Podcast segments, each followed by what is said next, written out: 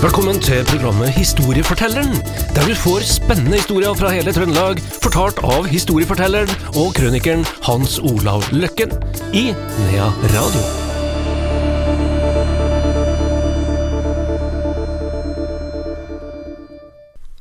Velkommen tilbake til Historiefortelleren. Her eh, møter du vår historieforteller Hans Olav Løkken, og velkommen til deg, Hans Olav. Jo, takk. Vi skal i dag til Hegra, og etter hvert skal vi over dammen også. Det skal handle både om skihopping og um, litt mer til. Ja, det skal det gjøre. Og vi skal begynne, på, eh, vi skal begynne med konklusjon, mer eller mindre, hva som hendte til slutt, da. Eh, og da må vi gå til eh, 6. juni i eh, 1931. Da kjører det en eh, motorsykkel, en Harley Davidson, og de er produsert i Milwaukee, Wisconsin. De kjører en eh, Harley Davidson ut fra en by i Utah som heter Ogden. Det var jo ikke noe elektriske lys og sånn, det var vel bare Selbu man hadde det på den tida, skulle du si, for de var tidlig ute, men der borte var det mørkt. Det var sent på kvelden. Kjører bortover en, eh, en såkalt highway, og eh, den herre motorsyklisten, han hadde en avtale. Han skulle altså hjem til sin kjæreste, som het Edna Wells.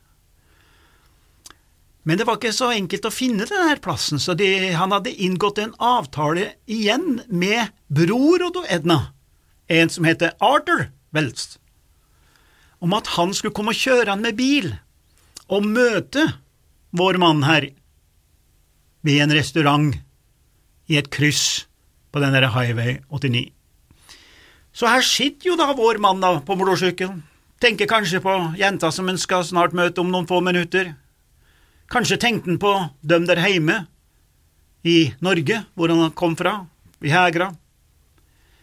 Om han er ukonsentrert eller ikke, det vet vi ikke, men plutselig så er det et stort lys foran han.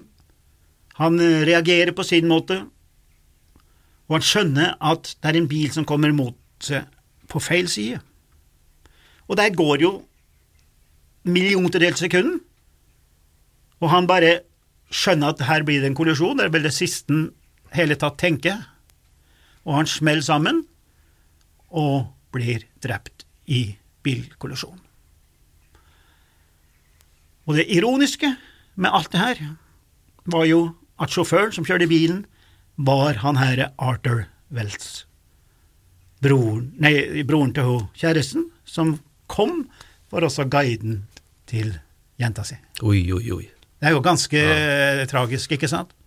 Det var slutten på denne persons liv, og personen er altså Halvard Bjørngård, født i Hegra, dro til Amerika omtrent på den verste tida. Han dro i 25, 1925 og kom bent inn i The Great Depression. Dårlig, alt var dårlig, arbeidsledighet. Han eh, jobba på noen gårder litt. Han eh, lærte seg muring og skulle liksom overleve som murer. Men så skjer det noe spesielt.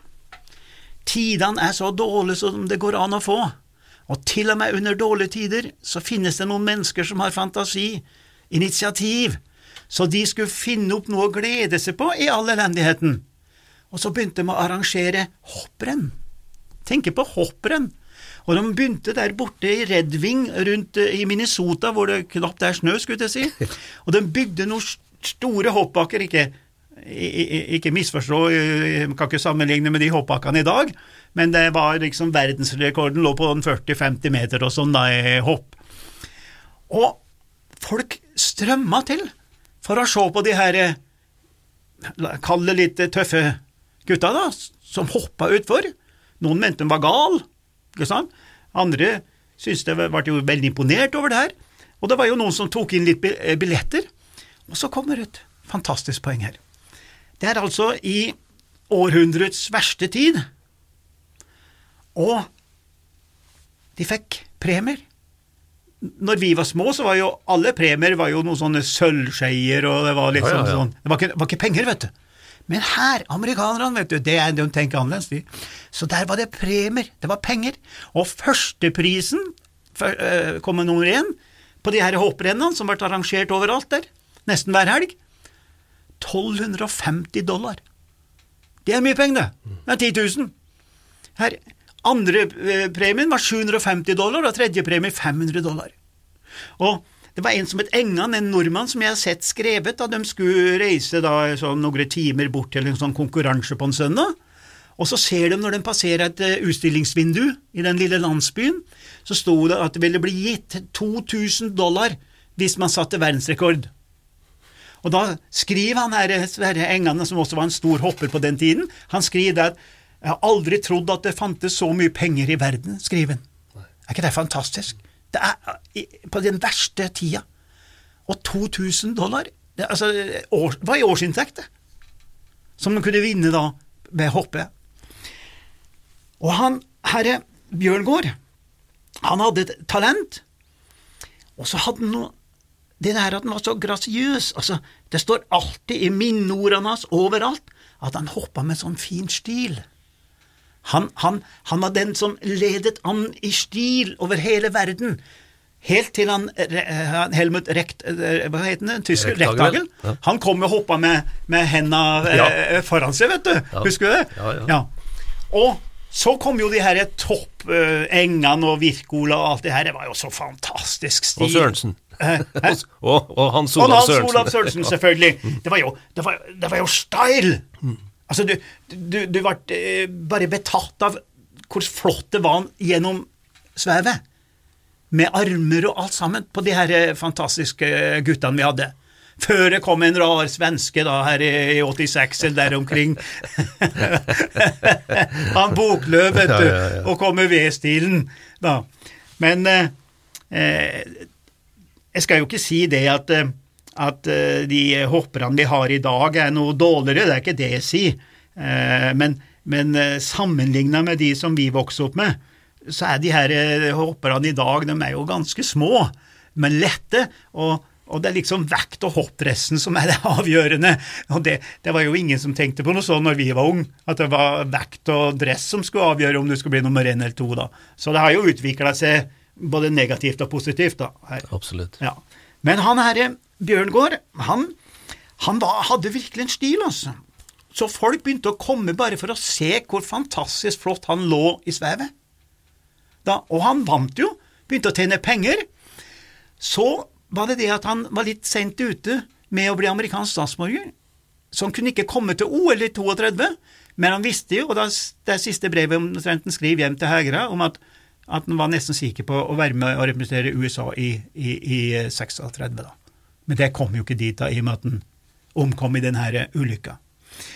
Men det var ikke like populært skjønner i familien å bli skihopper, for når han kom fra Hegra til Amerika, så bodde han da hos tanta si og de var meget religiøse. Det var ikke bare kortspill som var forbudt der hjemme, det var altså forbudt å drive med sport. Så religiøs var han, altså. Så han kunne ikke bo der. Så han flyttet da, for seg sjøl, og, og, og, og, bygde seg opp, da. Og de satte verdensrekorder eh, stadig vekk, og han, Bjørngård, han hoppa faktisk talt hele 91 meter med fall så det ble aldri registrert. Men ellers så lå de på 50-70 meter.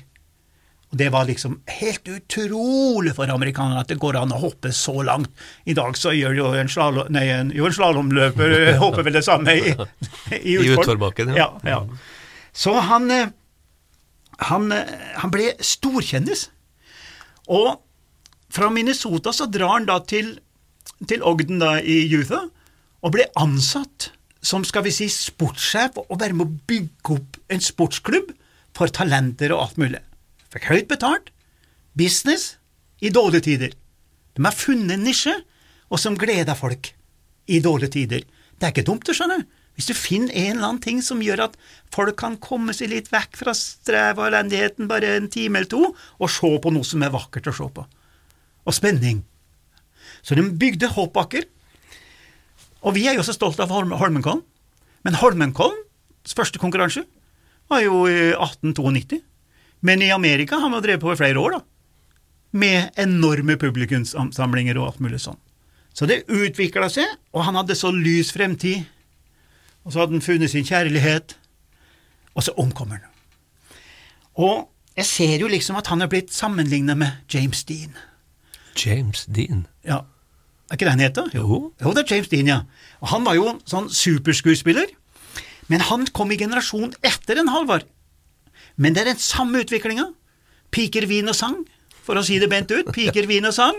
Ja. Hadde utseende med seg. Flotte mannfolk. Likte fart og spenning. Kjørte Harley Davidson og, og, og, og alt mulig, vet du. Og eh, James Dean han fikk jo selvfølgelig ei eh, Han dør, han, da. Eh, var i 55, ja. I trafikkulykke, akkurat som Halvard Bjørngård dør i en trafikkulykke. Så James Dean han fikk da stjerne i Walk of Fame oppe i Hollywood. Der er det jo to norske. Det er da Sonja Hennie og Kirsten Flakstad. Han, eh, Halvard Bjørngård fikk aldri noen stjerne, selvfølgelig, til tross for at den var nærmere stjernene i vertikalaksen, da. men han fikk jo ikke det. Eh, Halvard Bjørngård fikk heller ikke noe Oscar, han var jo ikke med i noen filmverden og sånn, men det fikk ikke James Dean heller. Han fikk heller ikke Oscar. Og den siste filmen han James Dean spilte inn, den ble released etter at han døde. Den var altså ikke helt ferdig, men den releasa filmen, da.